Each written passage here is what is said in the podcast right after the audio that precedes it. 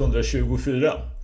Det är val i Sverige på söndag. Gå och rösta. Jag tänker absolut inte säga till dig på vad, men gå och rösta i riksdagsvalet, valet i din kommun och valet i din region. Och kom ihåg att det är regionen som svarar för till exempel vård, kollektivtrafik och regional planering av infrastruktur. Det är alltså inte ett oviktigt val som många tycks tro.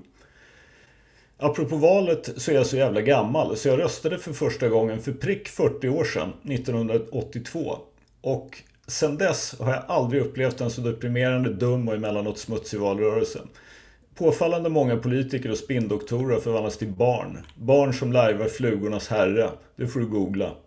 Vi har ett läge där Ryssland har invaderat Ukraina och har större planer än så på sikt. Vi har inflation, problem med energiförsörjningen och många kommer att få problem att få pengarna att räcka.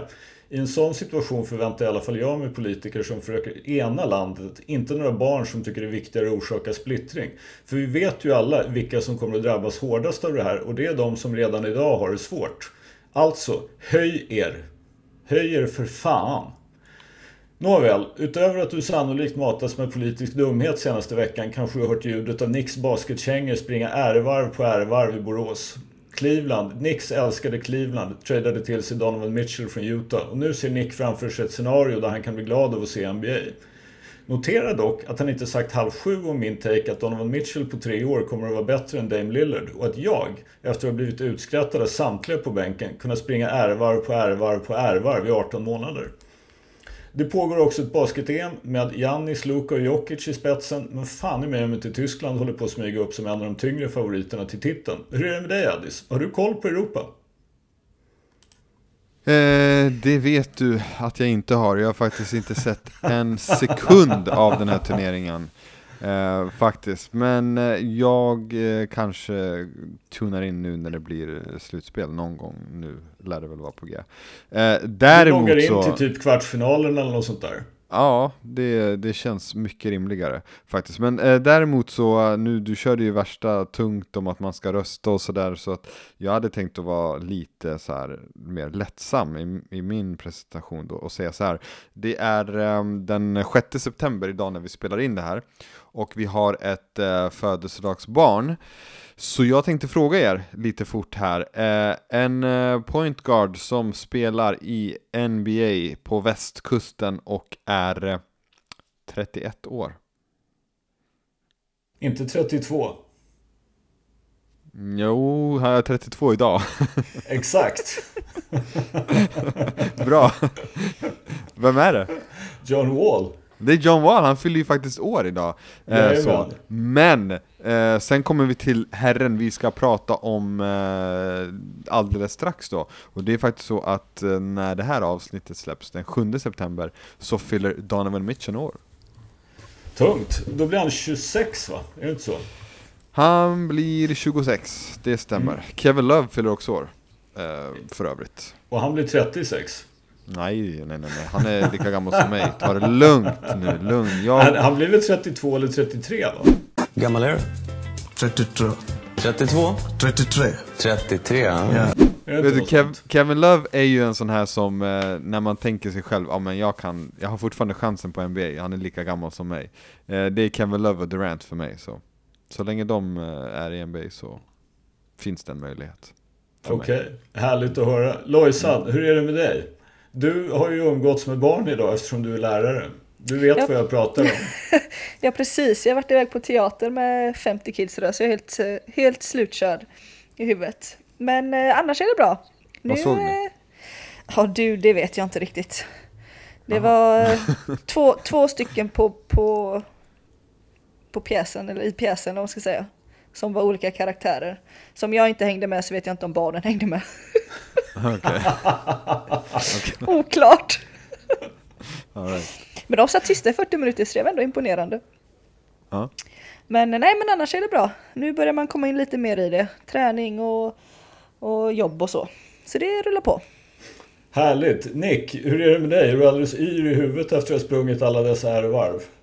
Jag hade faktiskt glömt helt att du är den största Donovan Mitchell-supporten i Sverige. Uh, så du måste ju älska den här traden. Uh, jag har sprungit och jag kommer fortsätta springa tills den dagen Cleveland vinner uh, titeln. Vilket är senast 2025.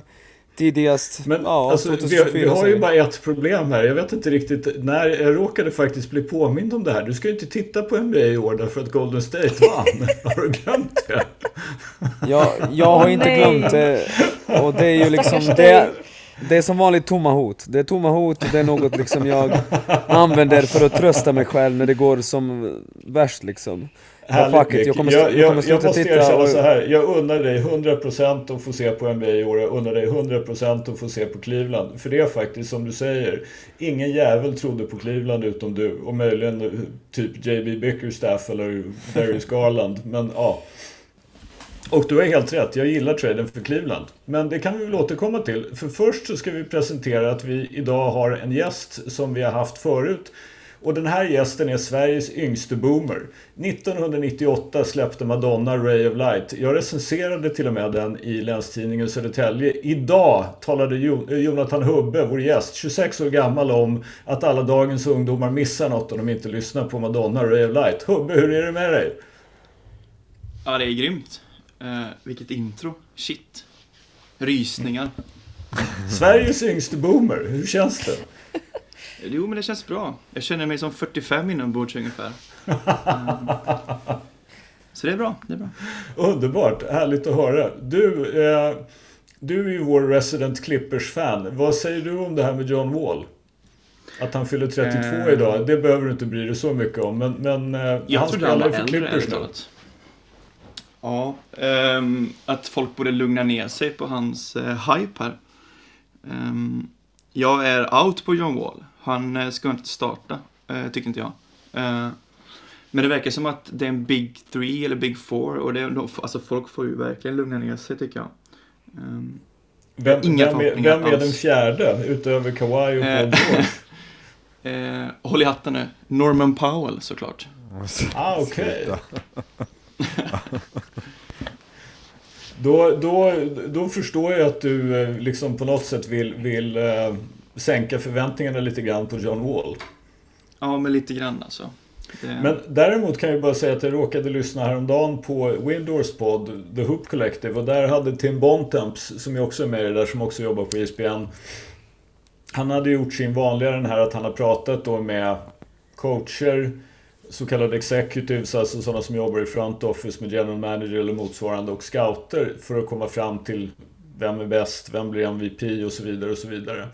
Och då var det faktiskt så att av de 15 han hade pratat med så har jag för mig att det var 8 som hade Clippers till konferensfinal.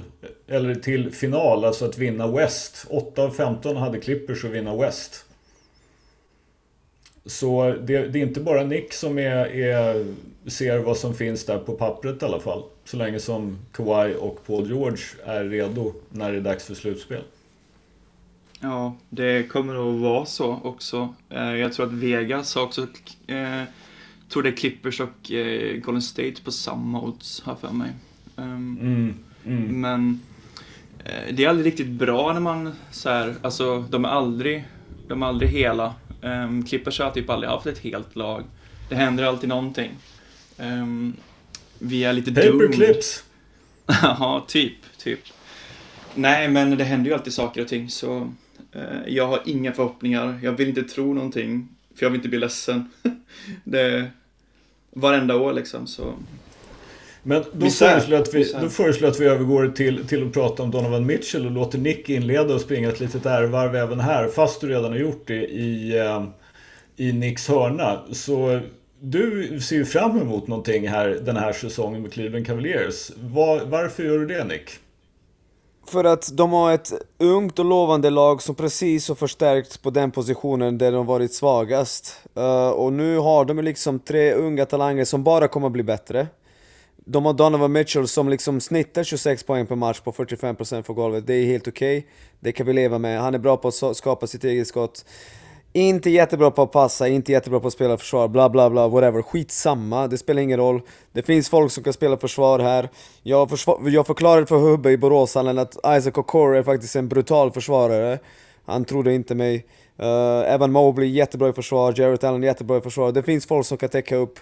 Jag säger så här, de kommer vinna 52 matcher i år, bli fyra eller femma. De kommer vara otroligt jobbiga att möta i slutspelet, kanske vinna en, eh, till och med två ronder. Och sen om två, tre år så är man där uppe och är liksom toppkandidat att vinna titeln. Jag ser inte någon annan utveckling. Det är ett lag som kan klara av en brutal skada på en av de här spelarna. Spelar ingen roll om en av dem ryker, du har fortfarande jävligt bra core liksom. Så... Uh, det man blir av med är Colin Sexton som Cleveland verkligen inte ville behålla. Alltså verkligen, gjorde allt i sin makt för att inte behålla. Uh, och sen massa picks och Lauri Markkanen, och visst Markkanen ser ut som en gud i EM, men vi, vi, uh, jag och Skölden vet. Jag och Skölden vet. N I NBA är det inte den dominansen. Han, uh, han gör... här kan se ut som en kompetent försvarare, i NBA är det fan fruktansvärt hur exposed han blir. Uh, så, ja, vi, vi tappar honom, några picks, han som gick i första rundan, men skitsamma, det spelar ingen roll. Milwaukee gav upp fucking allt för Drew Holiday, och det är det du måste göra när du är från en liten stad, när du känner att du har något bra på gång. Cleveland gjorde rätt, Cleveland kommer vara bra. Jag måste låta Addis komma in här, för Addis, du är ju en, en... Någonstans så klappar du ju liksom inne i ditt flyktiga hjärta så klappar du någonting för New York Knicks. Och New York Knicks var ju tokfavorit till att landa Mitchell. Vad säger du om, om, om det här? Eh, jag tycker att det är, alltså, helt ärligt, hur mycket jag än hade velat se Donovan Mitchell på Nix, Knicks alltså. Det, det Utah ville ha av Knicks, alla de här pixen, de ville ha RJ Barrett eh, och kanske mer, alltså så quickly, toppin, whatever liksom. Det, det var alldeles för mycket för dem att ge. Jag tycker att de gjorde helt rätt som signade upp RJ Barrett och sa liksom så ja men okej, okay, vill ni inte ha honom, skitsamma då. Då behåller vi honom, gör vad ni vill. Uh, och det paket som Utah tar av Cleveland, det är ju inte ens i närheten av vad Nix kunde skrapa fram. Så jag, jag fattar inte riktigt varför de inte tog det, men, men jag, jag alltså, tycker att så, Nix gör rätt. Som jag fattar, för det första så måste jag säga att ett, jag tycker traden är jättebra för Cleveland och två, jag tycker mm. att Nix gjorde helt rätt faktiskt. Som, eh, Eh, som inte gav upp liksom allt. Sen är det väl liksom oklart exakt, men det, det verkar ju som att Nix tyckte att ja, men det är vi som kan ge, det är vi som har bästa budet att ge till eh, till Utah. Så vi tänker inte ge upp vad som helst för vi vet att det liksom är vi, vi kan trumfa allt. Men när då det här budet, när de inte ville ta vad det nu var Nix ville ge dem. För som jag, det alla säger var att det Utah ville ha var unprotected first round picks. Och Nix var inte beredda tydligen att ge både tre unprotected first round picks och RJ Barrett. Kanske två och RJ Barrett. Eller tre och någon annan. Men inte båda. Och där någonstans då så, så sprack det ju hela. Och då fick alltså från Cleveland så fick Utah tre unprotected first round picks, två unprotected pick swaps, Colin Sexton, Larry Markkanen och så fick de då Oshai eh, Abaji som ju var, om jag inte helt missminner men han var väl eh, MVP i Final Four, alltså NCAA Final Four i våras. Och han är ju då i och för sig senior, men han, han, det är ju det som är det intressanta att så fort i NBA som du har draftat en spelare, då är han inte, liksom, då är han inte en first round draft pick längre i trade-värde. Det är jättekonstigt det där. Som ja, men Martin Cleaves var också Final Four uh, MVP och det betyder ingenting. Uh, så, ja. ja men alltså, jag, jag, jag måste erkänna, jag vet ju inte mycket om, om Oshai Badji så. Däremot så kan man väl tro att just i och med att han är senior, om man tittar till exempel då på eh, Chris Duarte som Indiana tog förra året. Så ja, hans potential är förmodligen väsentligt lägre just därför att han har gått alla fyra år på college. Men han är förmodligen också mycket, mycket mer redo att kunna spela en roll. Och om jag inte helt missminner mig sköt han i alla fall en bra bit över 40% och spelade bra försvar och är typ 6-5 någonting. Så han är nog inte liksom en, en eh, han är nog inte värdelös tror jag. Men whatever. Det är ju, jag tycker hur som helst att båda gjorde rätt. Och varför Cleveland gjorde rätt är just för att de har ju ett lag som kan göra någonting i och med att de har Garland, Mobley och Allen. Och så får de Mitchell om New York skulle typ ge upp allt och bli sittande med Brunson, Mitchell och Randall. Ja, då tror inte jag att de kan göra någonting. De kommer ju liksom ingen vart på det. Så därför var det väl som du säger Addis, helt rätt att inte vara beredda liksom att spraya alla first round picks, alla yngre spelare inklusive RJ Barrett. För då, ja, då kommer de ingen vart. Nej. Nej, håller med. Nu, enda som nu, kanske... sitt, nu okej, vi fick inte Donovan Mitchell, men vi är kvar liksom nästa gång det dyker upp någon. Och vi Ja. har kanske visat att vi inte är helt jävla galna. Vi har kanske visat att vi för omväxlings skull kan tänka oss att hålla oss till någon form av plan. Ja, alltså så här, varför vill Utah ha picks från Cleveland? Cleveland har ju visat sig dels kunna skrapa fram bra lag, visserligen med LeBron varje år, men de har fortfarande draftat bra, de har draftat eh, Kyrie Irving, Wiggins, de har draftat LeBron, bla bla. Alltså så här, det är lag som draftar bra som, eh, ja Mobley också. Eh, Medan Knicks, vad har de visat att de kan göra? Alltså om, om du ska tänka dig att så här, ja, jag vill tro att ett lag går kast, att det kommer gå åt helvete för det här laget, då väljer du ju Knicks före Cleveland, eller? 100%. Ja, så då, då fattar jag inte. Det är Utah som jag tycker, jag tycker också att Cleveland gör det bra eh, som, som plockar Mitchell, jag tycker Knicks gör det bra. Jag tycker Utah är de, de skumma i sammanhanget. Det, det är som sagt, det, som jag fattade så var det just det här med liksom att de ville ha unprotected och det var väl kanske det som Knicks inte ville ge upp. Delvis för att de känner till sin egen drafthistoria. Samtidigt är det ju också så, jag, det hörde jag också på Windhorse podd, alltså att senaste gången som New York Knicks fick en bättre draftposition än alltså var de hamnade i ligan. Gissa när det var? 85. Det var när de draftade Patrick Ewing. Mm. När var det då? Och det var väl 84. 84 va? Eller Ja, 85. Du Ja, nå- någonting sånt. Så de har alltså under, så det är ju inte bara, det är inte bara så att de har draftat dåligt. De har ju också haft en sinnessjuk otur. Mm. Alltså i, i, i lotteriet. Och de har ju dessutom varit i lotteriet en annan gång. Sen Ja. de, draftade, de draftade Patrick Ewing 1985. Och då Mm. pratade ju alla om konspirationsteorin att liksom det var något konstigt med lotteribollarna den gången och hur kunde Nix få just när det var givet att Patrick Ewing var liksom the first pick. Det, är var väl David det Stern, kalla liksom. brevet Skölden, var det inte det? Det var inte Jo, bollarna så kanske det utan var. Så det kanske var det det också var. kalla brevet. Som, eh, tror jag att det är. Frozen envelope, det är väl det. Just det, precis. Men som sagt, sen dess, alltså 1985, det är 37 år sedan.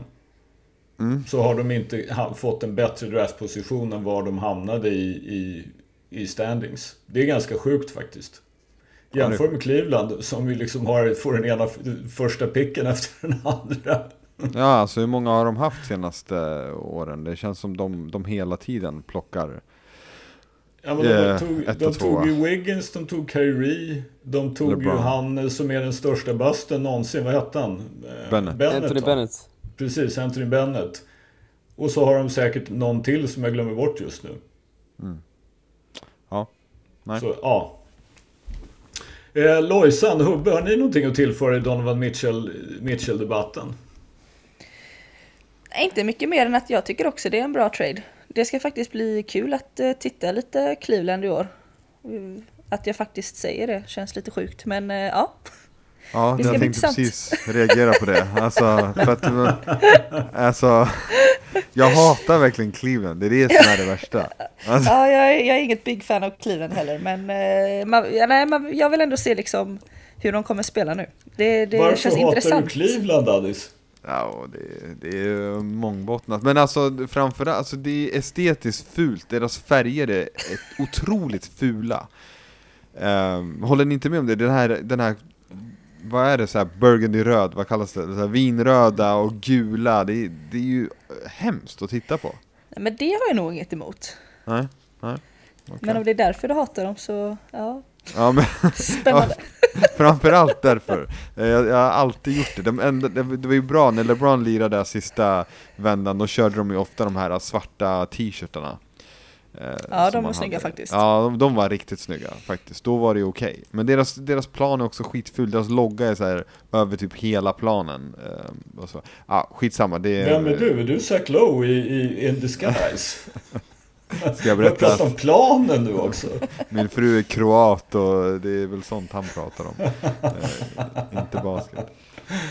Men din fru är inte kroat. Eh, Jag måste ju erkänna, jag, som, som gammal KFU centralspelare så måste jag ju säga att jag har ju inga problem med färgerna på Cleveland i alla fall. Men i, i vissa år har de ju haft någon sån här någon konstig, alltså ganska smutsig vinröd färg som nästan är brun. Och det, den, Eh, Den kan jag hålla med om. Den är inte snygg. Men de som de hade i fjol var väl helt okej tyckte jag.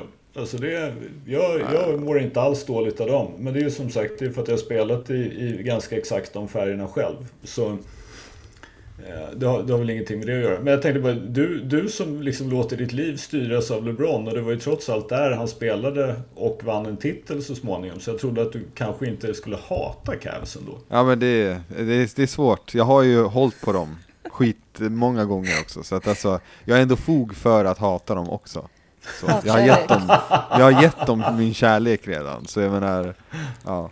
Om LeBron går tillbaka, då är jag ju tillbaka såklart. Då är den där vinröda jävligt snygg. I, innan vi går vidare måste jag berätta om när jag och Hubbe satt och tittade på en match i Boråshallen i helgen. Och så drar Hubbe fram sin telefon och på den bilden, det han visar mig är avancerade stats från Colin Sexton och Donovan Mitchell. Och poängen är att de är ungefär lika bra Alltså det. Ja, jag, ja alltså Hubbe, Hubbe är fan otrolig När jag visade det där jag bara, du måste fucking driva med mig Det är just, just, alltså du blir så jävla arg också. Det är så jävla roligt. alltså, alltså, alltså du satt Jag var tvungen att skälla ut honom! liksom. Jag var tvungen att skälla ut honom på riktigt Och så, och så satt han och skrek i hallen. Man bara, vad fan Nick. Du träffade en öm punkt.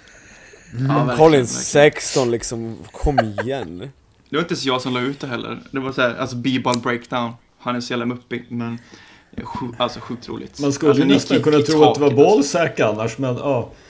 Ja exakt! det. Är något sånt ballsack sports han skulle lägga upp Ja. Eller buttcrack eller vad de nu heter allihop. Cock sources, cock sources Cock sources Vad händer här?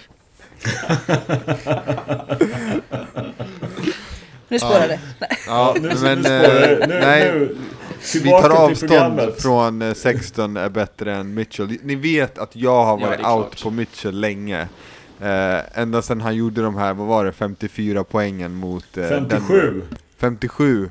Och jag Och kom du tyckte till att det nästa. var nice, men inget mer än så. Ja, jag kände så här. Det var nice. Ja, det var, det var okej, det var bra. Det, var- han var bra, men det var ju inte så här.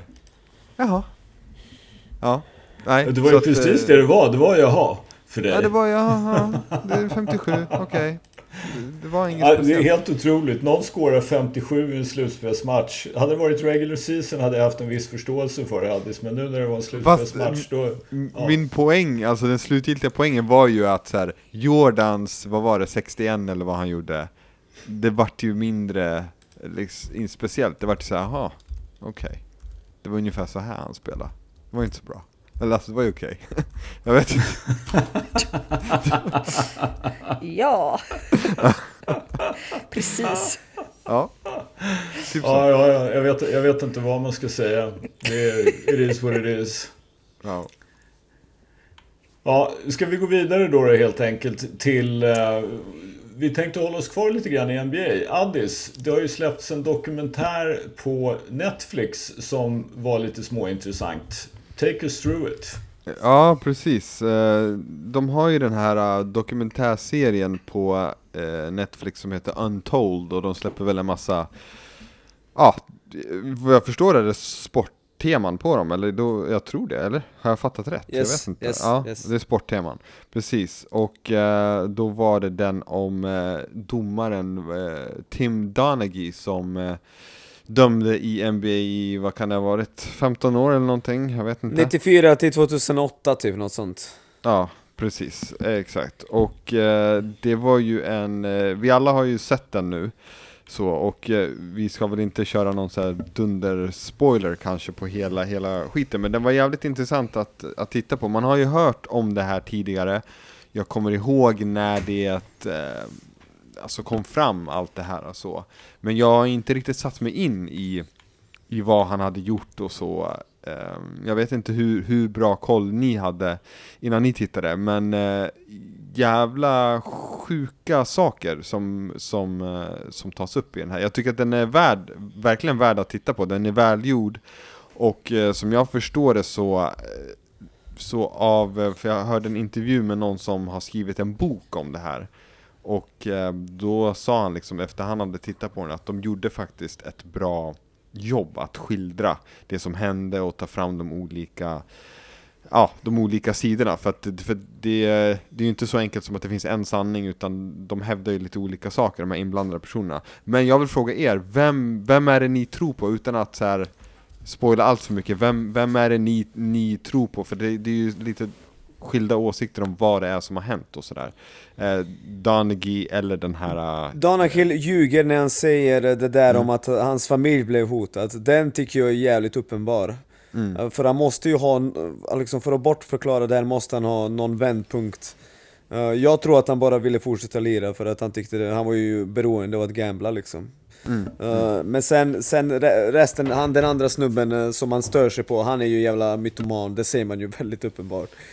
Tänker du på Batista då eller? Ja, Batista, exakt. Han och hans jävla konspirationsteorier om NBA. Han hade fucking 20 stycken som är helt uh, bisarra.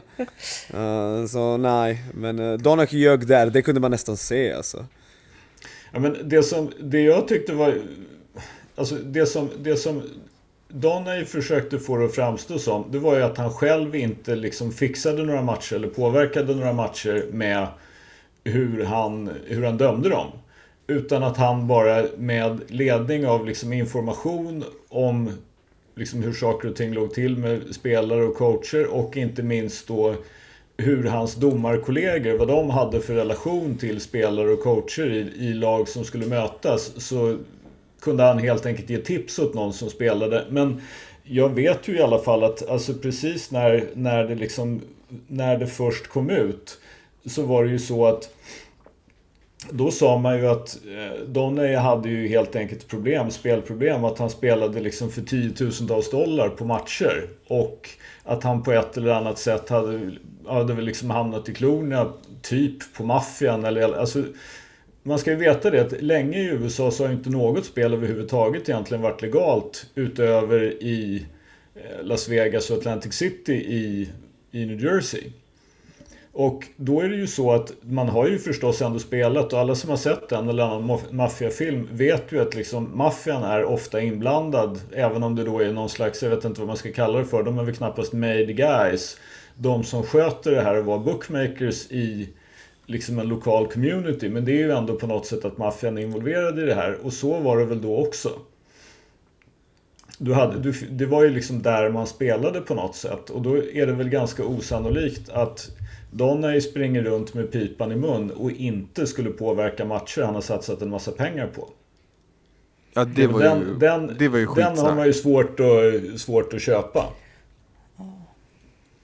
Oberoende av allting annat. Men däremot det som Donny säger, det, var ju en sån här, det har ju varit snack om hur länge som helst. Just det här att stjärnor får en annan behandling av domarna Eh, en, än, så att säga vanliga spelare och att det kommer uppifrån. Alltså typ då från NBA Commissioner David Stern som ju har gått bort numera men som var commissioner innan den nuvarande Adam Silver.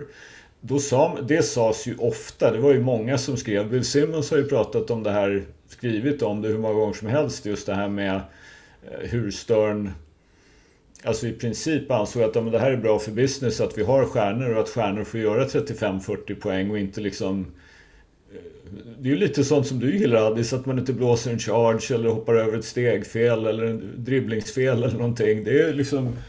Det kan jag mycket väl tänka mig att man har utan att man kanske har liksom gett order till domarna att man i alla fall inte liksom... Om någon missar ett stegfel eller en charge så skiter man i det om det är rätt snubbe. Mm. Ja men det, och det, men det där finns ju i alla nivåer. Alltså Louise, vi pratade Ja, ju, kommer du inte ihåg, vi pratade ju om det här nyligen. Jo. Om bara att du själv kunde liksom, ja men det är skillnad på om en rookie gör någonting och om en stjärna gör någonting. Mm. Liksom. Det, ja, Ja, det Ja, tror jag så- finns överallt. ja, mer eller Det mindre. tror jag med. Det är svårare att blåsa emot en stjärna än, än, än en rookie eller en, en liksom relativ... Eh, ja men liksom en vanlig citationstecken spelare. Mm.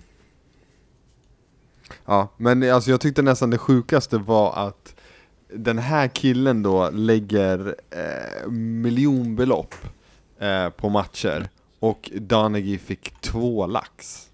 Mm. Alltså hur, ja, jag, jag fattar inte hur, hur han kunde liksom, eh, vad ska man säga, riskera hela sin karriär, sin familj och allt det där för så i sammanhanget då lite lite pengar Fast, per fast match. vänta, är, Addis, är det inte ganska bra extra knäck? Kolla, du, han gick inte minus om de torskade. Ja, jo. Så liksom, det är bara att samla 2 plus 2 plus 2 plus 2.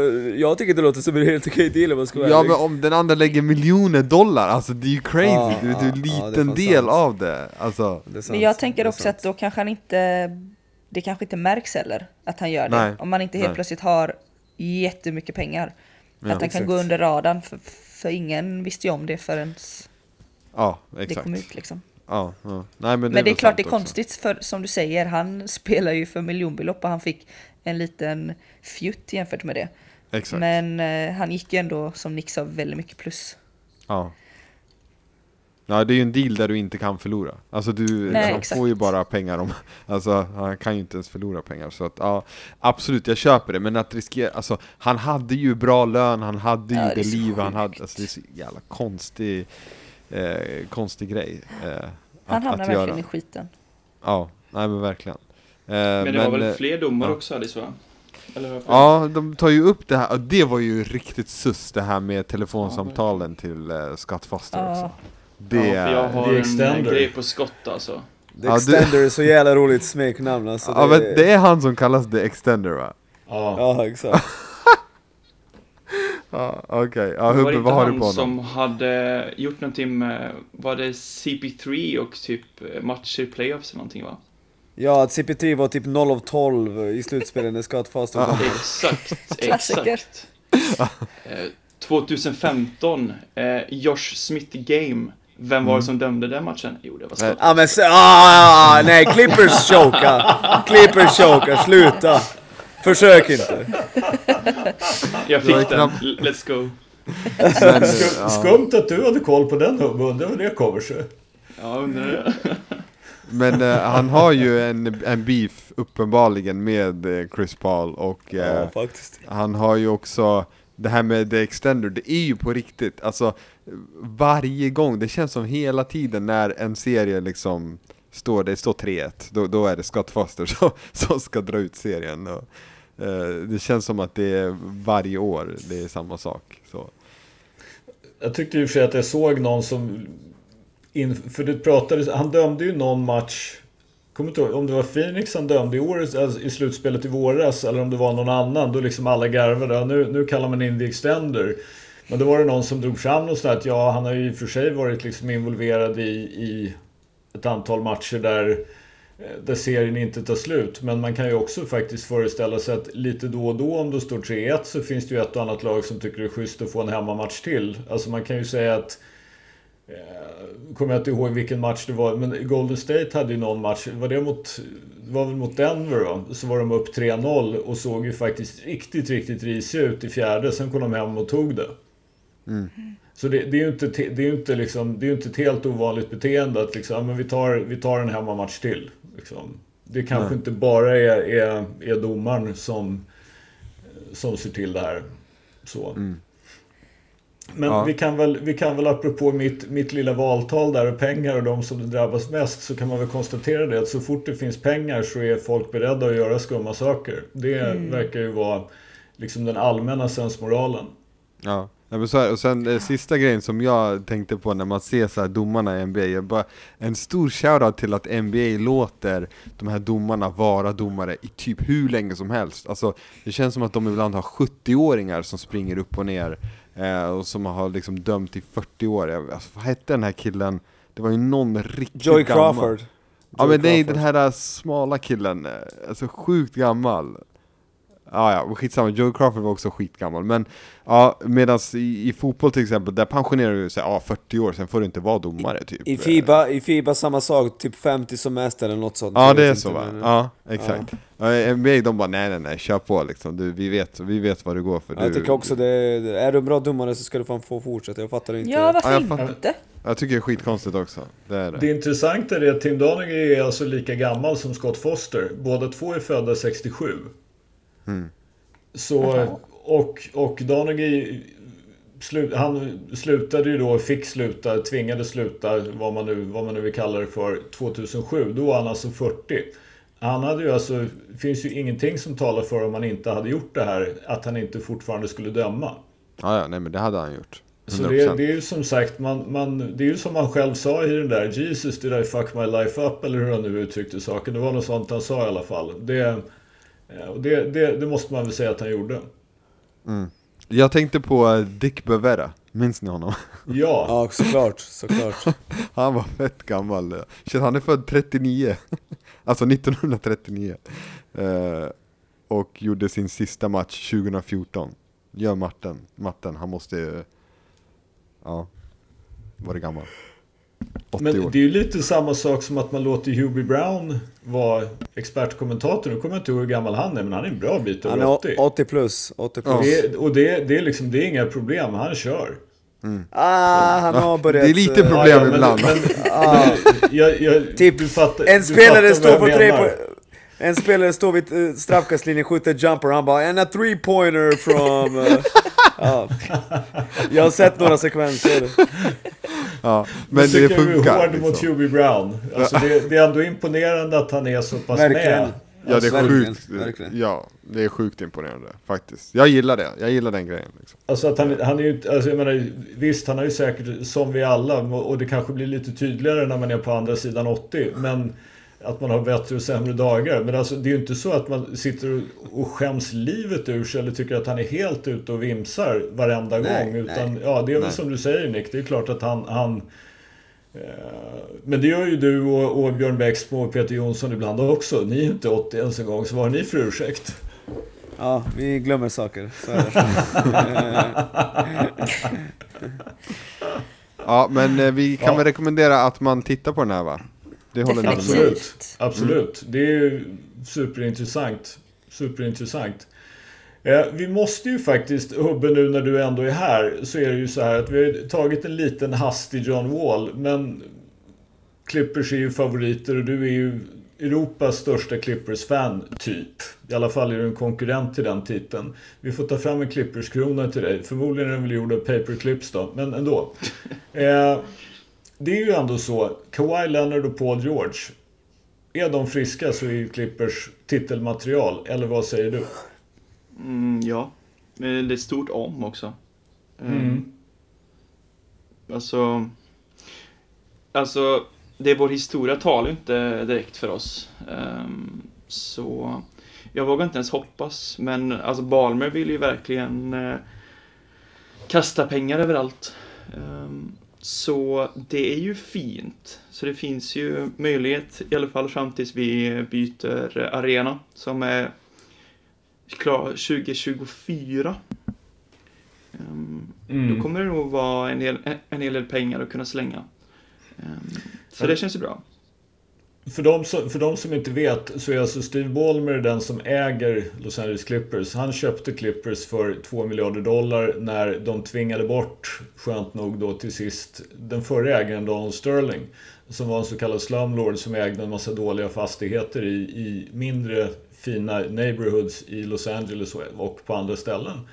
Men Steve Ballmer är ju, alltså, om jag minns det hela rätt, så har ju han alltså i princip så är han den privatperson som äger flest aktier i Microsoft.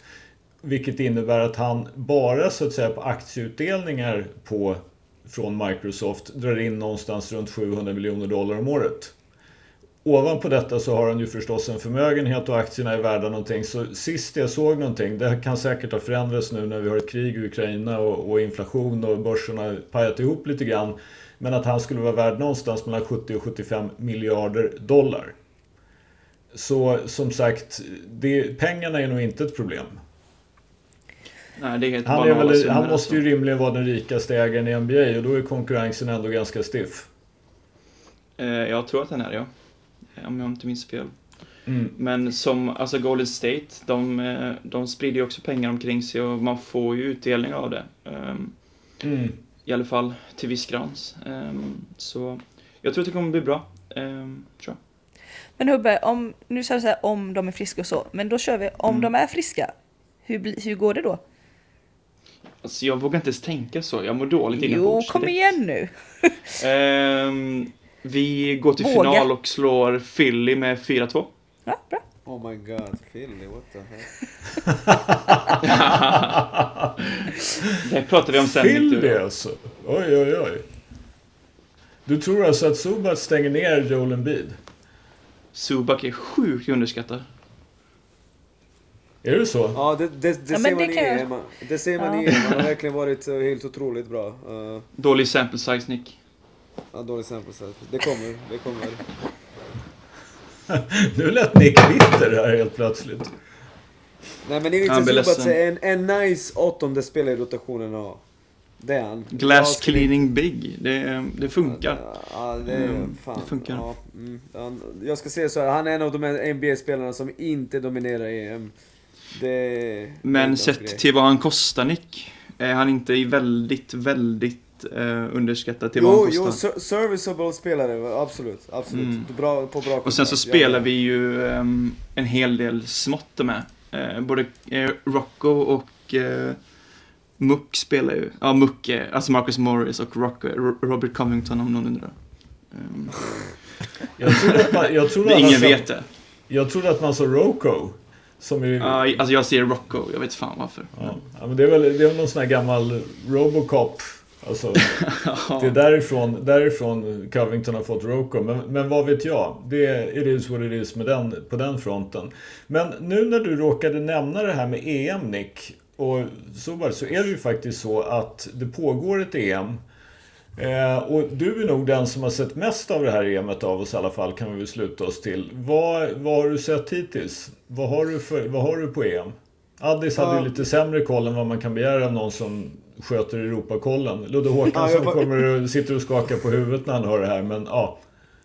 Ja, jag är faktiskt chockad över att Addis inte följer slaviskt detta EM i och med att han älskar europeisk basket så mycket. Men eh, jag tittar på matchen mellan Slovenien och Tyskland just nu. Eh, alltså det har spelats väldigt bra basket. Det har verkligen... Eh, jag tror att det har funnits bättre EM, att det har funnits fler bra lag, men ett EM har aldrig haft så här många superduper megastjärnor. Alltså verkligen.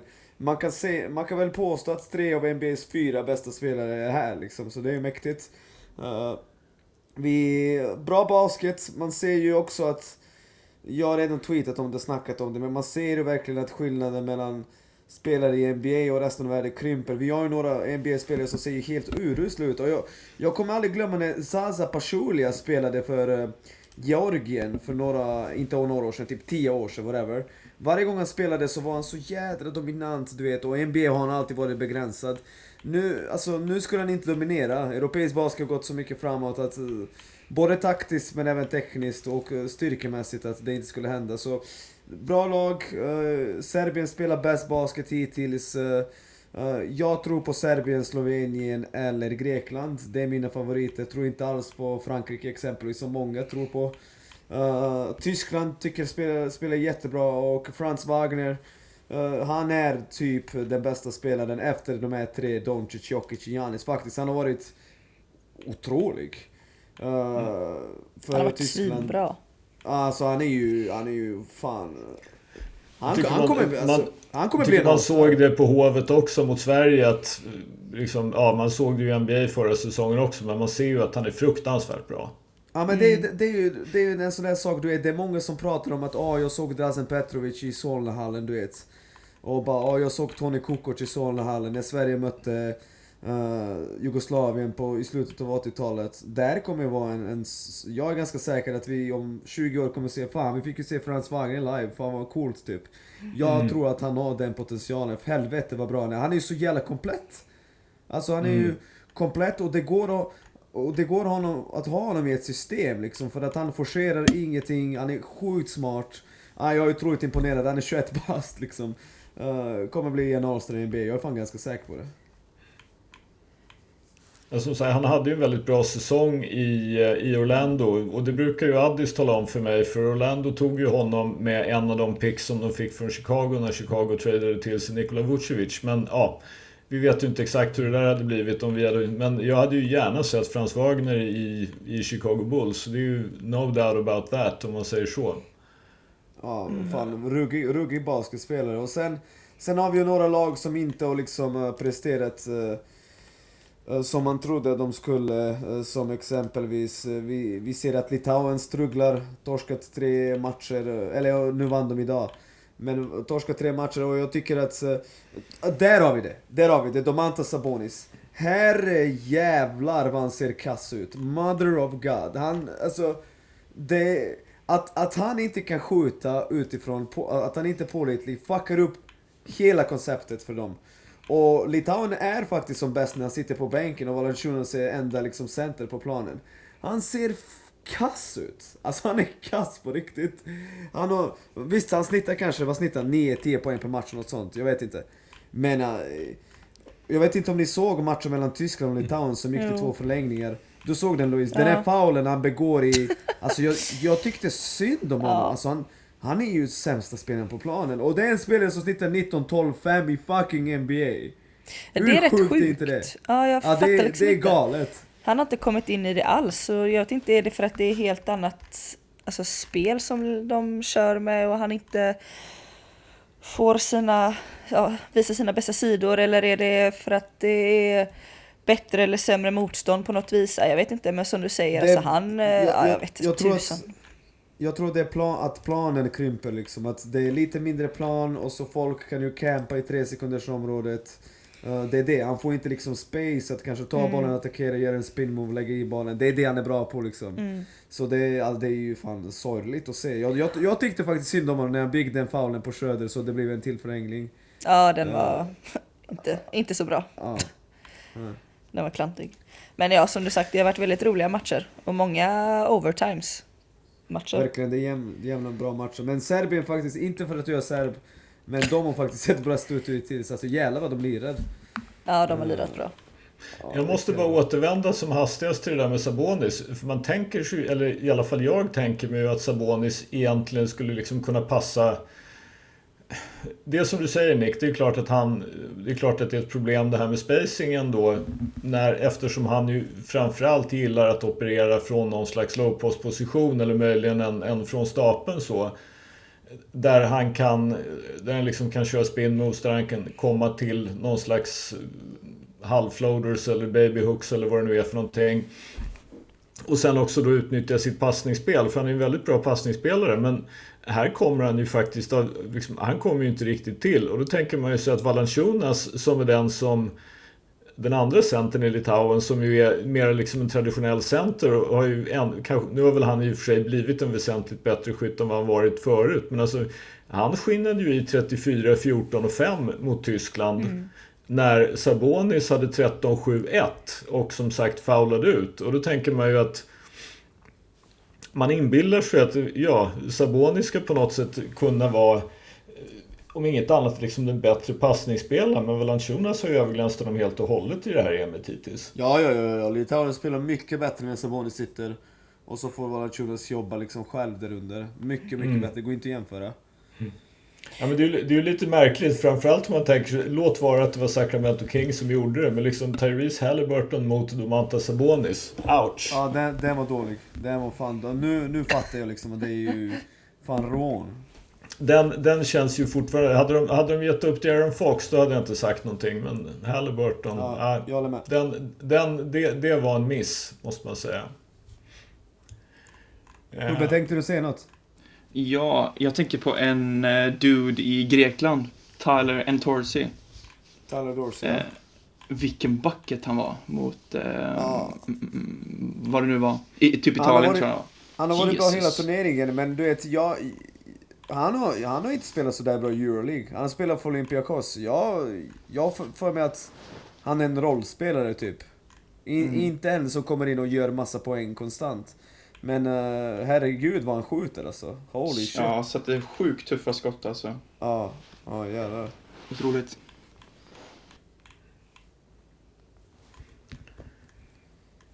Ja. Det är, ju, det är väl, hur är det nu Nick? Jag kommer inte ihåg. Men är, är det Grekland som är det enda, enda laget? De är väl inte obesegrade, men de är väl obesegrade i det här nya obesegrade. gruppspelet? De är obesegrade. Ja, de Okej. och Serbien. Jag, jag tror att alla andra har åkt på en torsk. Inte Tyskland heller. Tyskland har också vunnit alla matcher. Kanske kommer ikväll. Okej, Tyskland-Slovenien går ju som sagt just nu. Och sen så spelar väl Serbien spelar väl också senare va? Yes. Yes. Ja, Det kan, det kan som sagt det kan bli lite halvintressant. Nu är vi framme då vid det stadiet där det är två sexlagsgrupper och fyra av de lagen, fyra lag i varje grupp går vidare till kvartsfinal. Så ja, det är några lag som har ett jobb att göra. För, att, få, för att lyckas gå vidare. Kan man väl konstatera. Eh, ska vi gå över till Sverige? Lojsan, du släppte ju en liten bomb i, i, i chatten som eh, vi tycker att Addis borde bli glad av.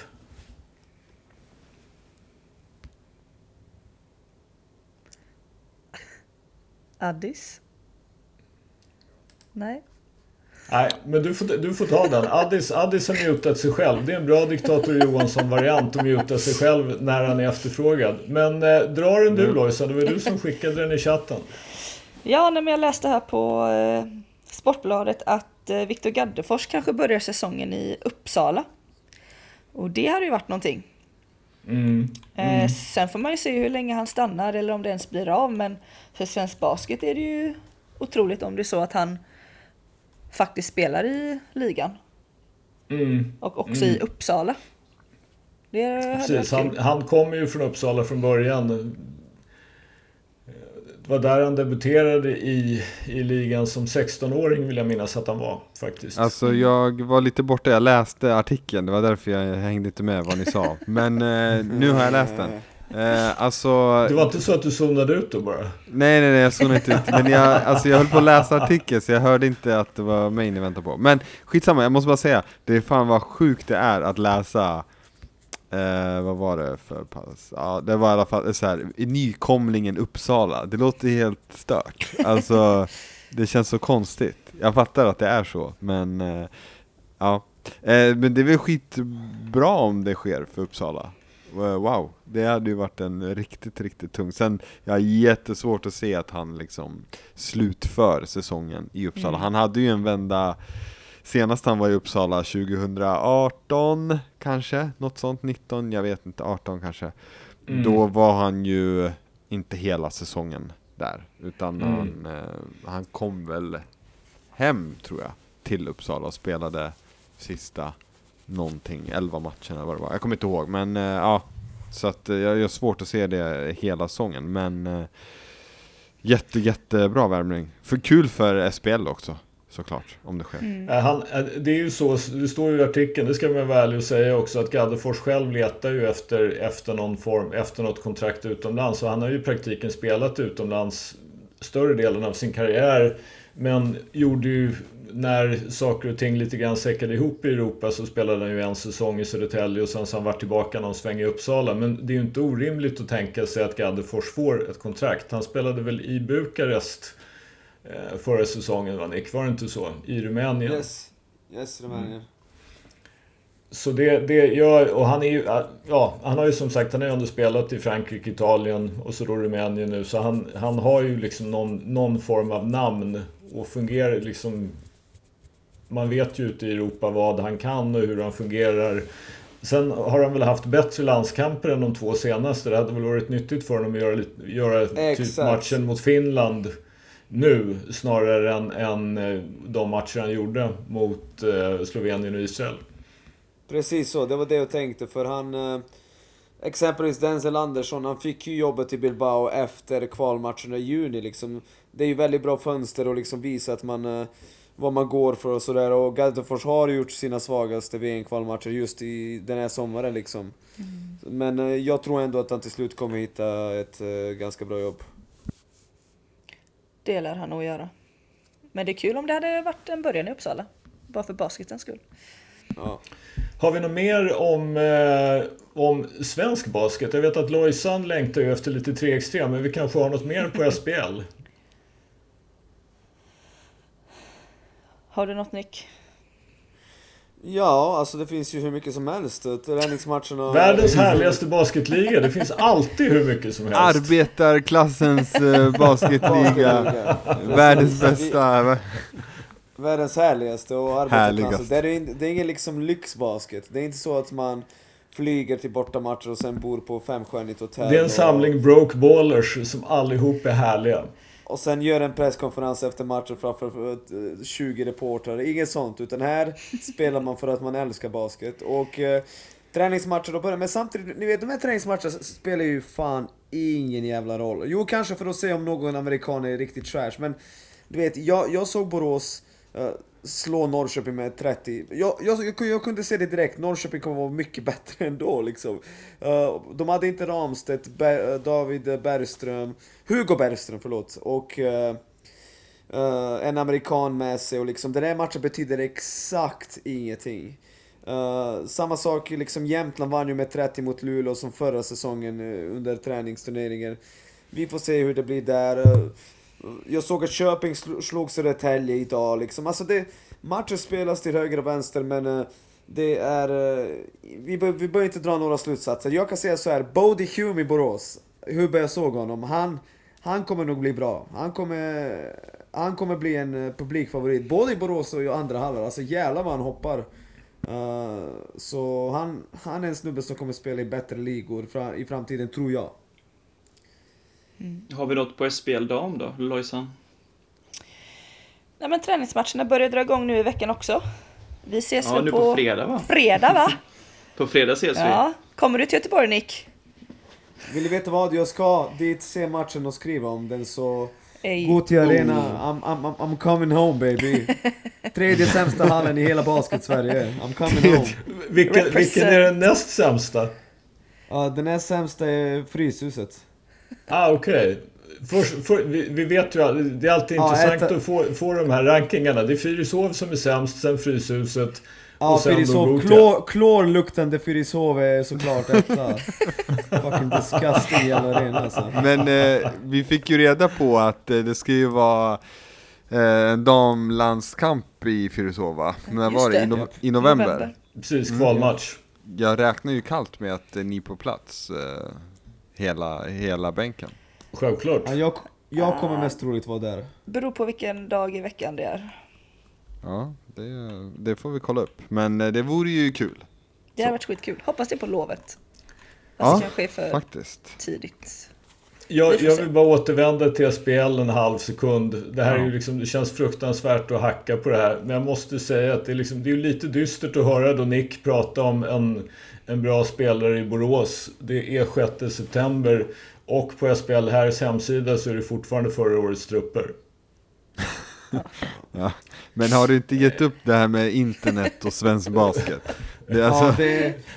Alltså, Alltså, jag jobbar i, hemsidan... fak, faktum, faktum är att jag tycker att nu, nu, det är inte meningen att blåsa i min egen trumpet för jag hade nog otroligt lite med det att göra egentligen. Men det var faktiskt bättre för några år sedan så, så då var det bättre uppdaterat. Jag vet, jag vet faktiskt inte vad som pågår men vi, vi säger väl det igen, det skulle vara hemskt trevligt om vi till den här säsongen ett kan få uppdaterade trupper och två att vi utan 17 klick kan komma fram till boxscores från matcherna. Lös det! Ja, jag tänkte säga Hej. det. Kan man se stats nu för tiden eller kan man se från back in the days? ja, alltså jag Nej. vet inte hur man gör i alla fall. Alltså-. Vad är svintråkigt? Man bara aldrig spelat i ligan. It's a lie. Nykomling i ligan i år då ja. Fett. Ja. Ja, men det, vi vet ju det att det, det, det hålls ju på för att sammanställa en historia. Så det, det finns ju liksom någonstans så finns det ju på någon, jag vet inte om det är, jag höll på att säga diskett, men det hoppas jag att det verkligen inte är, eller ens ett USB. Men att, att det liksom är, det, det finns ju sparat någonstans, men det är ju inte upplagt. Och någon har ju lite, i alla fall vid sidan av, till uppdrag att, att uppdatera. Det påstås ju, vi har ju hört det här, att man håller på att uppdatera en del, en del som saknades från back in the day men att man faktiskt har gjort en ansträngning. Eh, Och det skulle ju vara fantastiskt att få ordning på historiken men det vore ju också snyggt att få reda på nutiden. Ja, det där arbetet med statistiken ja, kan man ju Vart, diskutera. vart men, eh, hittar man dina stats, Louise då? ja, de finns ju inte just nu. Så ja, Det, det, är, det är som att Lojsan aldrig har spelat i SPL. nej, exakt. Du är bara känd som 3x3-spelare. Ja, precis. Ja, där kan man hitta info i alla fall. Men Precis. Och apropå 3x3, du har, du har ju någonting på 3x3. Ja, precis. I eh, helgen så spelade våra U17 eh, tjejer eh, EM. Och eh, det var första gången någonsin som vi hade ett landslag i EM, vilket är fruktansvärt roligt i 3x3. Eh, var det någon som såg någonting? Eller ni har inte kommit dit än? Nope, Nej. har inte kommit dit Nej. än. Kanske nästa år då. Jag ska. Mm. Men eh, de gjorde en fantastisk eh, turnering. De eh, förlorar första matchen i... Eh, det är bra att säga att de gör en fantastisk turnering och förlorar, men i alla fall. Eh, förlorar första gruppspelsmatchen, måste vinna andra matchen och även komma upp i 19 gjorda poäng, för i 3x3 så räknar man hur mycket poäng man gjort om man hamnar på samma poäng. Eh, där de då vinner och kommer upp i 24 poäng, går vidare till kvartsfinal. Men på grund av sämre ranking så får de då möta det bästa laget som är Frankrike. Där de faktiskt leder större delen av matchen och tappar det med två minuter kvar och förlorar med två poäng. Så de hamnar på en sjätte plats. Men något som de ska vara otroligt stolta över för att ha varit där första gången och faktiskt ger Frankrike en match, vilket de inte hade fått dagen innan i gruppspelet.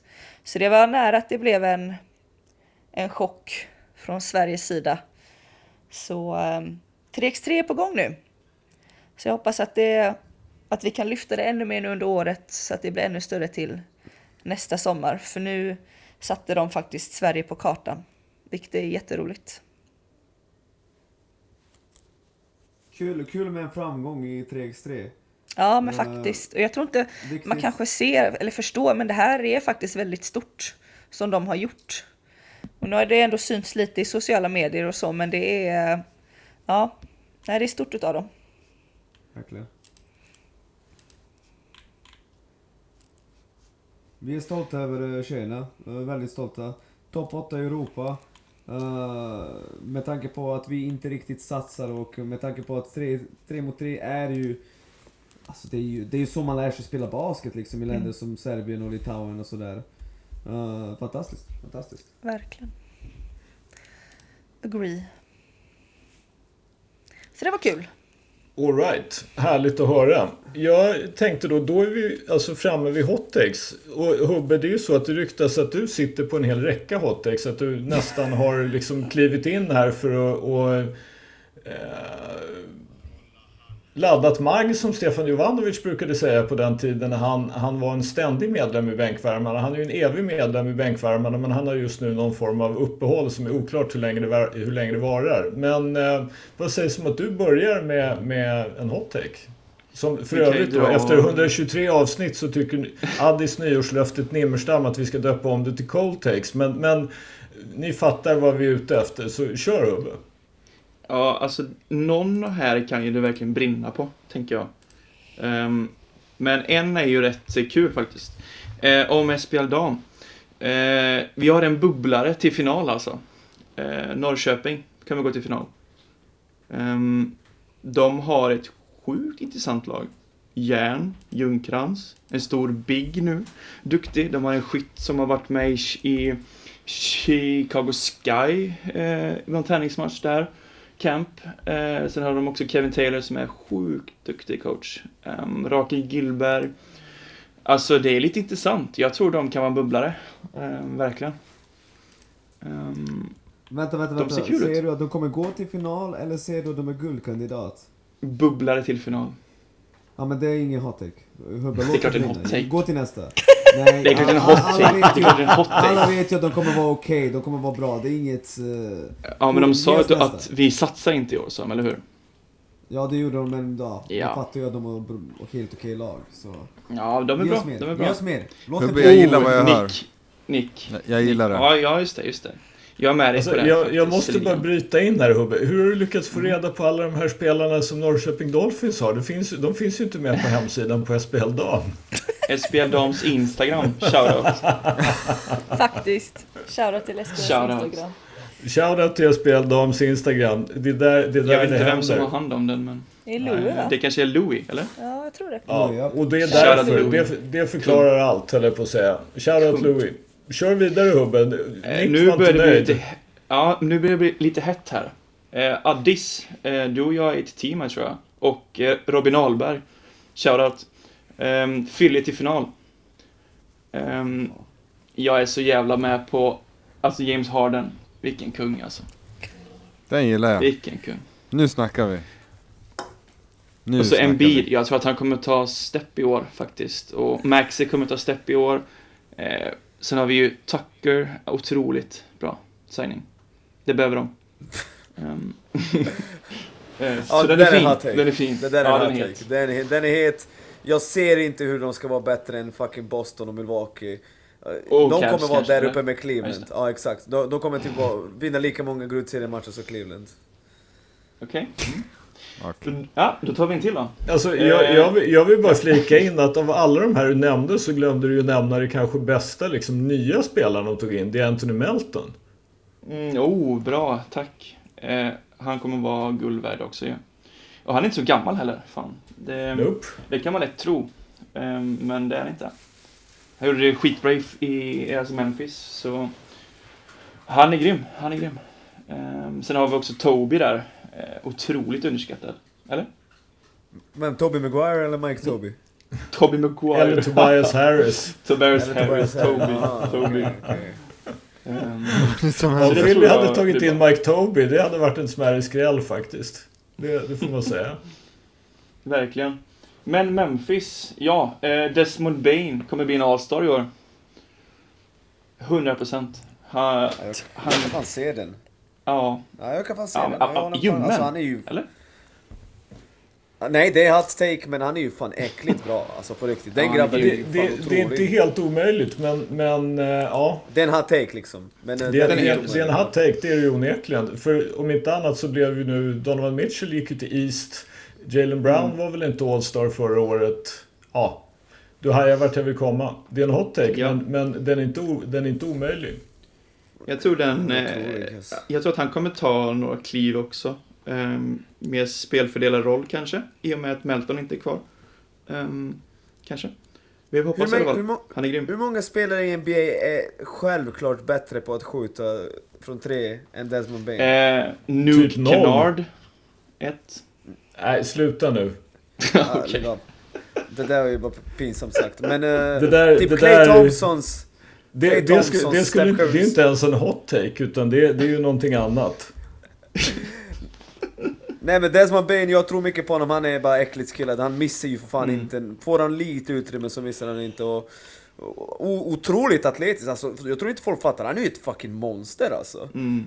Han, Sen är han ju inte ja. jättedålig i alltså defense heller. Nej det är han inte. Absolut inte. Han är smart, han roterar fint och han ger bra reads också, så han är bra. Yes, jag tror stort på honom.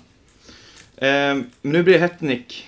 Ehm, eh, Lakers till Western Conference Final. Pat Bev var the missing piece. Vad sa du för någonting? Nej. Yes Det sir. där är ju nej, nej, nej, nej, En, nej, en, en gång till. Nej, jag skojar bara. De går inte till slutspel. Eh, ja. Ja, men sluta. Men Pat Bev Det ska är jag ändå the missing piece. Nej, men han kommer vara jättenyttig för dem. Uh, jättenyttig för dem. Ehm, mm. Okej, Nick eh, och eh, ja. Jag tror så här då. Uh, Nix kommer slå ut Cavs i play-in. Det tror jag. Cavs kommer inte gå så långt. De kommer bli sjua. Och så ska växa. Det, ja, det tror jag. Nick, jag, jag lämnar det här till dig, men jag tänker blanda mig i. Så här är det. Det Jonathan Hubbe inte förstår är att Cleveland i februari, alltså djupt in i säsongen, är fyra i East. Sen går ehm, um, Jarrett Allen ner med en skada och då går det åt helvete liksom. Men hur kan man uppgradera det laget som är fyra i East? Och så blir de så jävla dåliga att de torskar mot fucking Knicks! Deras tre bästa spelare kallas The Mid Three. Det är fan ett av de roligaste smeknamnen jag har hört. The Mid Three. Alltså, alla vet att de kommer vara average, de kommer inte vinna några slutspelsserier eller play-in matcher. Det är ju bara galen jävla... Det där är ju en hot take. Det kommer aldrig hända. Ja, Cleveland kommer inte spela play-in. alla tycker så bra om Cavs. Eh, och då blir jag lite, lite som Adris. Jag blir lite, alltså, alltså Konträr. lite konträr. Jag- Jag blir lite konträr och tycker att eh, de blir överhypade istället. Du vet att jag är out på Mitchell till exempel. Och Jag, har, jag älskar Mobley, jag har följt hans sen USC och hans alltså, alltså high school i LA. Liksom. Men alltså jag tror inte på det där laget alltså. Jag tror det kommer Fast vara en vad, jävla Hubbe? soppa alltså. Du skrev till mig i inboxet efter vår diskussion i Mhm. hallen när jag skrek på dig. Ja. Du skrev ju samma kväll, ja vet du vad? Allen och Mobley kommer täcka upp jävligt mycket, typ. Du har rätt. Så, Jag sa att du har en poäng sa jag. Ja. Mm. Det kan man ha fast Alltså, man förlorar jag, Nick.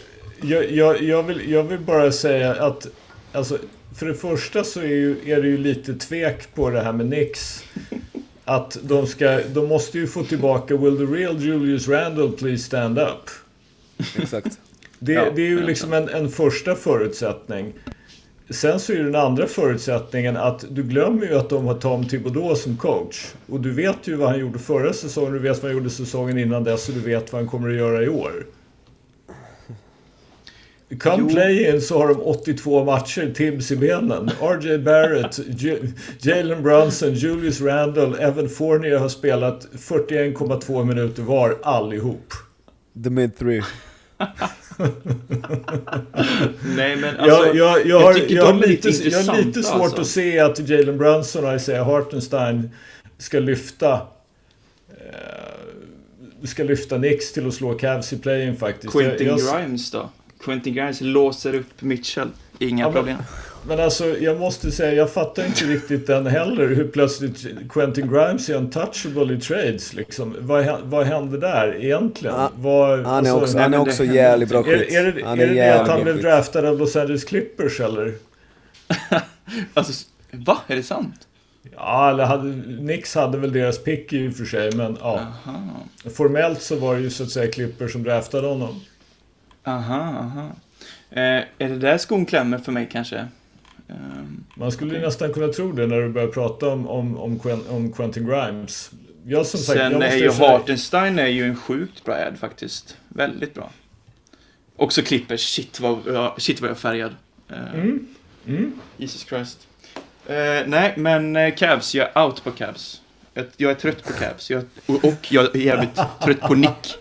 Det är den vinröda färgen, jag säger det alltså. Det, det, Exakt, det går Burgundy. Eh, Addis, vad, vad tror du om Cavs? Jag har inte hört någon definitiv åsikt. Vad tror du om dem nästa säsong? Jag tror att det, de kommer vara ett bra lag.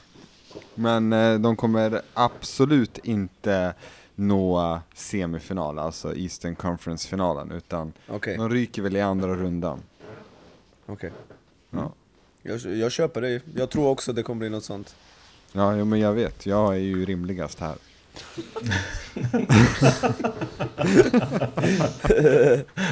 Sanning bror, sanning. R- Rimligt, rimligt konträr. Ja, ja exakt, exakt. Nej, nej men eh, det är men det vad var som kommer hända. takes faktiskt. Ja. De var väl eh, sådär, det är ju ingen skogsbrand eller något så, utan det är väl snarare... Några var heta, andra var lite sämre men... eh, Det, men jag skulle Alltså, säga- jag har ju fler, men de är ju, de är ju Korvgrill, grillning liksom med, med en skolklass. Så heter var de. Här, här måste ju Lojsan kunna sätta betyg i så fall. Ja men, men alltså du vet när man går till så här uh, 4H och tänder en brasa, käkar korv. Det var så hett. Helt okej. Ja, just det. Ja. Ja, härligt. Nick, har du någon hot GB2. take? Ja, just det, just det. Om jag har någon hot take? Uh, Ja, du, har, du, har ju, du har ju legat otroligt lågt här på sista tiden. Nej, jag, jag har ingen hot take. Det jag, du vet, för att en hot take ska vara riktigt bra het, du måste ju tänka på det några dagar tidigare. Du måste finslipa det, du måste ta hand om det liksom. Bevara det och kanske behandla det som eh, eh, din partner liksom. Alltså verkligen ägna mycket kärlek och tanke och det har inte Laga middag med. åt den. Ja, ja lite så, lite så. Uh, ta ut ett lån, köpa Volvo. Nej, eh, det... Så Det-. Nej, men jag, jag har inte haft tid alltså på riktigt. Min, eh, jag jobbar liksom. Jag Spela in ser på- TikToks. Spela in TikToks. eh, titta på basket. Jag, jag hinner inte. Jag sover typ 40 minuter om dagen. Så, ja. Okej, men eh, Nick, får jag fråga? Jag har en, konspirationsteori. Yes. Dina hot takes bortfall hände i samband med att du klev in på SVT-redaktionen. Är du munkablad? Får du Nej inte det är jag inte, men, men kanske, kanske lite undermedveten att jag att du Ja. inte ska säga för dumma saker, den, den är inte omöjlig, den är inte omöjlig. Ja, okej. Ja, jag, jag känner att eh, sen, sen SVT klev in i bilden har ju Nick tagit baksätet. Du satt ju, du körde ju förarsätet i 180 förut. Ja, men Nu är det du liksom- vet, nu, nu, nu när jag liksom, Eh, jobbar där så, du vet, jag har fått storhetsvansinne, jag tror att jag är bättre än er, du vet hela paketet så... Ja. Jag, jag vill inte sj- sjunka till den nivån där jag måste se helt sjuka saker. I och för sig, det ger jag varje dag. Vad snackar jag om? Nästa vecka en hot take. Nästa vecka en hot take, jag lovar. Jag lovar. Om, om de tillåter på SVT såklart. Ja exakt, jag ska om tillåtelse först. Lojsan, har du en hot take? Nej, jag är för slut Nej. för att tänka på det just nu. Okej, ja, men då, då, klipper jag till med, då klipper jag till med en gammal Oh! fin hot take. Där Oh! jag, jag säger så här, han har ju alltså precis påbörjat sitt jobb där. Men jag säger direkt, sparka gubben. Jag vet att Addis kommer att hålla med mig. Jag säger sparka Danny Ainge. Vad är det han håller på med i Utah? Alltså allvarligt, vad är det han håller på med i Utah? Men fan, det är väl the dream för fucking eh, 30% av ligan är det the dream att göra det han gör. Att sälja hopp och samla på sig massa picks, det är det folk gör ju. Jo men, jag, jo, men jag, fatt, jag, fattar, jag fattar inte precis vad han gör. Men någonstans tycker jag så här att han är alltså då... Vad är det man säger är det absolut svåraste i NBA? Jo, det är ju faktiskt att acquire a star. Alltså att skaffa sig en stjärna. Att trada bort en stjärna är ju faktiskt lite enklare. Nu har han tradat bort, i teorin då, om vi ska vara lite generösa, så har han tradat bort två. Sen kan man ju då säga att ja, det här liksom gick ju inte någonstans. Men man var ju ty tydligt inne på att ja, men okej, nu, ska vi, nu ska vi bort ifrån det här och nu ska vi ha då eh, protected first round picks. Någonstans måste man ju ändå säga, unprotected first round picks. Någonstans måste man ju ändå säga att ja, men okej, allt det här ligger nu långt fram i framtiden. Utah är inte någon free agent destination. Jag har svårt att se att man kommer att få någon free agent som kommer in. Och nu har man då en massa picks. Det finns ingenting som talar för faktiskt att de här Cleveland Cavaliers-picksen kommer att vara speciellt bra. Det finns en del som talar för att Minnesota-pixen kommer att vara helt okej. Samtidigt så har de ändå, alltså oberoende av vad jag tycker om Carl Anthony Towns, så har de ändå Carl Anthony Towns Anthony, och framförallt Anthony Edwards. Sen så har de då Rudy Gobert nu. De här pixen kommer lite senare. Men jag har faktiskt svårt att se, givet att Minnesota nu också har en kompetent GM med Tim Connolly och att de har en ny ägargrupp som ju uppenbarligen vill satsa och spendera pengar. Så har jag svårt att se att de på de här pixen kommer att få någon som är liksom topp 1, topp 2, topp 3, topp 4. Och då har han kickat sitt lags två bästa spelare och rivit ner ett lag inom loppet av några veckor som faktiskt hade best record i NBA för två säsonger sedan för att sälja drömmar och hopp. Alltså allvarligt talat, vad gör du helst? Har ett vettigt basketlag som kan komma någon vart eller i princip sälja crack till dina ägare? Jag, sä- jag säger så här. Du gjorde fel. Nu kommer jag inte ihåg vad han heter bara för det. Han heter Smith någonting. Ryan Smith var han som köpte Utah. Du gjorde fel som tog dit Danny Ainge. Det här kommer att ta dig en evighet att få ordning på. Alltså jag zonade ut, men säkert. Jag trodde, Nej, men, du skulle, jag trodde du skulle vara helt med här Addis när jag säger sparka Danny Ainge. Jag trodde Jo, att det men- var liksom en... Jo men det är bara mot det också. Skölden, är, är inte det här dit NBA är på väg? Du kommer se den dagen Greg Popovich lämnar San Antonio Spurs, du kommer göra exakt samma sak. De har ju i praktiken redan gjort det. Ja, men de försöker har precis inte- börjat. De, men de, de är ju liksom, jo jag fattar att de också då så att säga, det, det, men det som är Utahs absolut bästa hopp egentligen just nu, det är ju då sina egna picks, om man säger så. Och vi ser ju nu då, om vi tittar då på de som ändå är, alltså the poster child för att göra så här, Oklahoma City Thunder. Ja, nu har ju de då vad man tycker i teorin skulle kunna vara en core med Shea Gildris Alexander, Josh Giddy och Chet Holmgren. Jaha, då bröt Chet Holmgren foten och så stänger vi ner honom hela säsongen och då har de i princip det de hade förra året och så har de då Shea. Och hur länge vill Shea vara kvar när han aldrig får spela? Och när han får spela så får han göra det i ett skitlag. Nej, så är det. Så är det. Det, Alltså, det är inga menar, bra någon- situationer för någon- NBA. Någon, någon, gång, någon gång förr eller senare så måste du ju ha spelare som får en chans att utvecklas och att liksom på något sätt lära sig vinna eller förlora på ett, på ett ärligt sätt. Alltså du kan inte hålla på och stänga ner spelare. Oj, nu råkar vi gå för bra. Alltså, jag ser inte att det här leder någon vart. Och sen så tror jag ju då dessutom, som jag sa lite grann, många av de här Alltså, nu behöver vi inte gå till Sacramento Kings, men Sacramento Kings tog ju Marvin Bagley som tvåa och hoppade över både Trae Young och Luka Doncic och Jaron Jackson och någon till som jag glömmer. Det är ju inte självklart att, att du själv väljer rätt. Danny Ainge valde Jason Tatum och Jalen Brown, men i övrigt så sköt han ju liksom med lösplugg på ganska många andra draftpicks. Och det är det du gör. Du, det är en massa grejer som går fel för att det är jävligt svårt att värdera spelare som är 19-20 och hur de kommer att passa in i din kultur. Jag tror att han gjorde helt fel. Att han Jag tror- en jag- av dem, det är helt jag okej tror för att att liksom fansen- skaffa sig en möjlighet att retool. Men, alltså Men Skölden, ska- jag, jag, jag tror att fansen hellre tar den här vägen än att man är fucking 9 eller 10 som typ Sacramento Kings och siktar, alltså du, du vet, det, vad fan, alltså plus när man gör sådär så ger man sig själv chansen att behålla jobbet i minst fem år bara, ja men vänta så kommer det, så kommer det liksom så... Fast jag, ty jag tycker om, om det är så att han och ägaren, jag får mig att ägaren heter Ryan Smith, de är ju tydligen golfpolare bland annat. De har ju känt varandra i evighet. Men alla visste ju att Danny Ainge skulle bli general manager i Utah Jazz när han köpte Utah Jazz. Så det är ju inte så att Danny Ainge primärt måste tänka på någon slags jobbsäkerhet. Han är dessutom född 1959 så liksom, ja. Eh, hur, hur det än blir så kommer han ju inte vara general manager i 15 år till. Liksom det, det är svårt att tänka mig. Utan det här är ju, och när de här pixen börjar ramla in så är han ju i alla fall förbi svensk pensionsålder. Han kommer ju säkert att jobba, det kommer inte vara något problem. Det är inte det. Men jag, jag ser inte riktigt att... Eh, ja, det är klart. Nu vinner de väl lotteriet och får Wembanyama och sen så är allting kumbaya liksom. Så kan det ju förstås också bli. Men det svåra är att skaffa sig en stjärna. Han hade ändå ett vettigt lag. Han valde att riva ner hela skiten. Så de skulle behållit Pat Bev, ser du?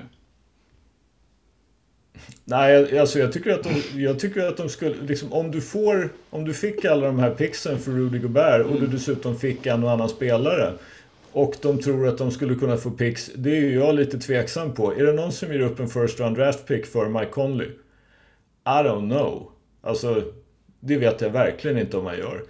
Bogdanovic, ja kanske om du är, om du är alltså typ ett lag motsvarande back som har en titelchans och är, eller i närheten och känner att vi är en pjäs ifrån och vi kommer aldrig att hamna i lotteriet de kommande tre åren. Ja men då kanske man kan ge upp en first round draft pick för det spelar i alla fall ingen roll. Och då är den inte heller så jävla värdefull för Utah utan då är det ju bara, ja men okej nu gör vi oss av med allting för att vi ska bli så usla som möjligt så vi kan få Wembanyama. Men sen har vi också sett det, du måste ju ha lite folk runt omkring Lex Lakers förra året. Alltså, du kan inte bara ha två, tre stjärnor, du behöver några spelare till. Så Pat Bev tror jag ju inte var någon nyckel. Det tycker jag, det var väl liksom en rimlig, en rimlig chansning men givet vad, vad Utah ändå håller på med så kan de ju lika gärna ta in Taylor Horton Tucker som åtminstone är ung till skillnad från Pat Bev som är 34. Det är ju liksom vad de gör den här säsongen spelar ju ingen roll. Uh, jag vill säga något, jag har en hot take. Varsågod. Uh, jag ser på den matchen mellan Slovenien och Tyskland och Luka Doncic är återigen helt otroligt out of shape. Och sen finns folk som säger ja men du såg inte den här bilden från en träningsmatch i juni där han såg deffad ut, du bara sprider uh, falsk information. Han är så jädra stor. Han är så jädra out of shape, inte konstigt att han går 0 av 8 från 3 mot Bosnien och bara matar främre ringkanten liksom. Han, han orkar inte spela i 40 minuter. Jag tycker faktiskt det är pinsamt att åka. Nu börjar det bli ett enormt problem, alltså han är gigantisk. Uh, så jag, jag, jag ser så här, han är... Alltså, har vi, har vi någonsin sett en superstjärna vara konstant out of shape och hålla en bra nivå i många år, förutom typ Charles Barkley, han kunde väl göra det. Men ha, ha, alltså, har, vi, har vi sett det här innan? Alltså, han kommer ju fan skada sig, någonting hemskt kommer hända. Men var inte det här med 0 av 8, var inte det lite grann handleden? Han hade ju någon, ja men liksom något stort skydd på handleden, att hans högra handled var väl inte... Vilken jävla handled, bara- han, han orkar inte, alltså han är ju han är fortfarande jävligt bra såklart Men man ser att han har haft en brutal sommar liksom Med massa juggemat och festa med Shaq Alltså det... Han, är, han tar ju inte hand om sin kropp och han måste ju komma till samma insikt som Nikola Jokic. Alltså Jokic ser ju äckligt vältränad ut nu för tiden alltså. Jag har aldrig sett honom vara i sådär bra shape och det är jävligt kul att han har att han har gjort den här resan, för nu, han kommer ju först och främst förlänga sin karriär, för det andra, han är ju bättre än någonsin. Och det är ju liksom, det finns ju en tydlig korrelation där liksom, för att prestera mot de bästa atleterna i världen måste du vara i top shape. Det är inte Luka Doncic, han är ju fan, jag vill inte säga fet, men ur form som fan. Det är ju rätt otroligt att han, alltså jag, säger, jag tänker inte säga emot det så, för jag sitter inte och tittar på Slovenien-Tyskland just nu. Men eh, det är ju rätt bra jobbat om han är i form när han, spelade, när han spelade VM-kval helt nyligen och nu är det EM. Det är ju, man tycker att han, han borde ju kunna upprätthålla någon typ av form i alla fall. Ja precis, det är det min kompis Krilla också säger. Hur, hur är det möjligt att han ser ut som han gör? Han körde ju cardio fucking varje dag, det har han gjort sedan han var typ 12. Uh, Liksom uh, intervaller dessutom, basket är ju väldigt intervallanpassad liksom. Ja, Mm. Det är sjukt. Sjukt. Ja, vi får, vi får väl se hur det blir med det där, hur det blir med Luka. Jag tror ju lite grann som du. Om han håller på i Harden style och liksom går upp 20 kilo på sommaren och ner 10 i, i, eller 15 i, i september och oktober så det är ju ingen, det är ju förr eller senare ingen riktigt bra metod. Det har ju visat sig. Nåväl, tack för idag. Glöm inte att gå och rösta på söndag. Ha det bra. Ciao! Ciao. Ha det bra.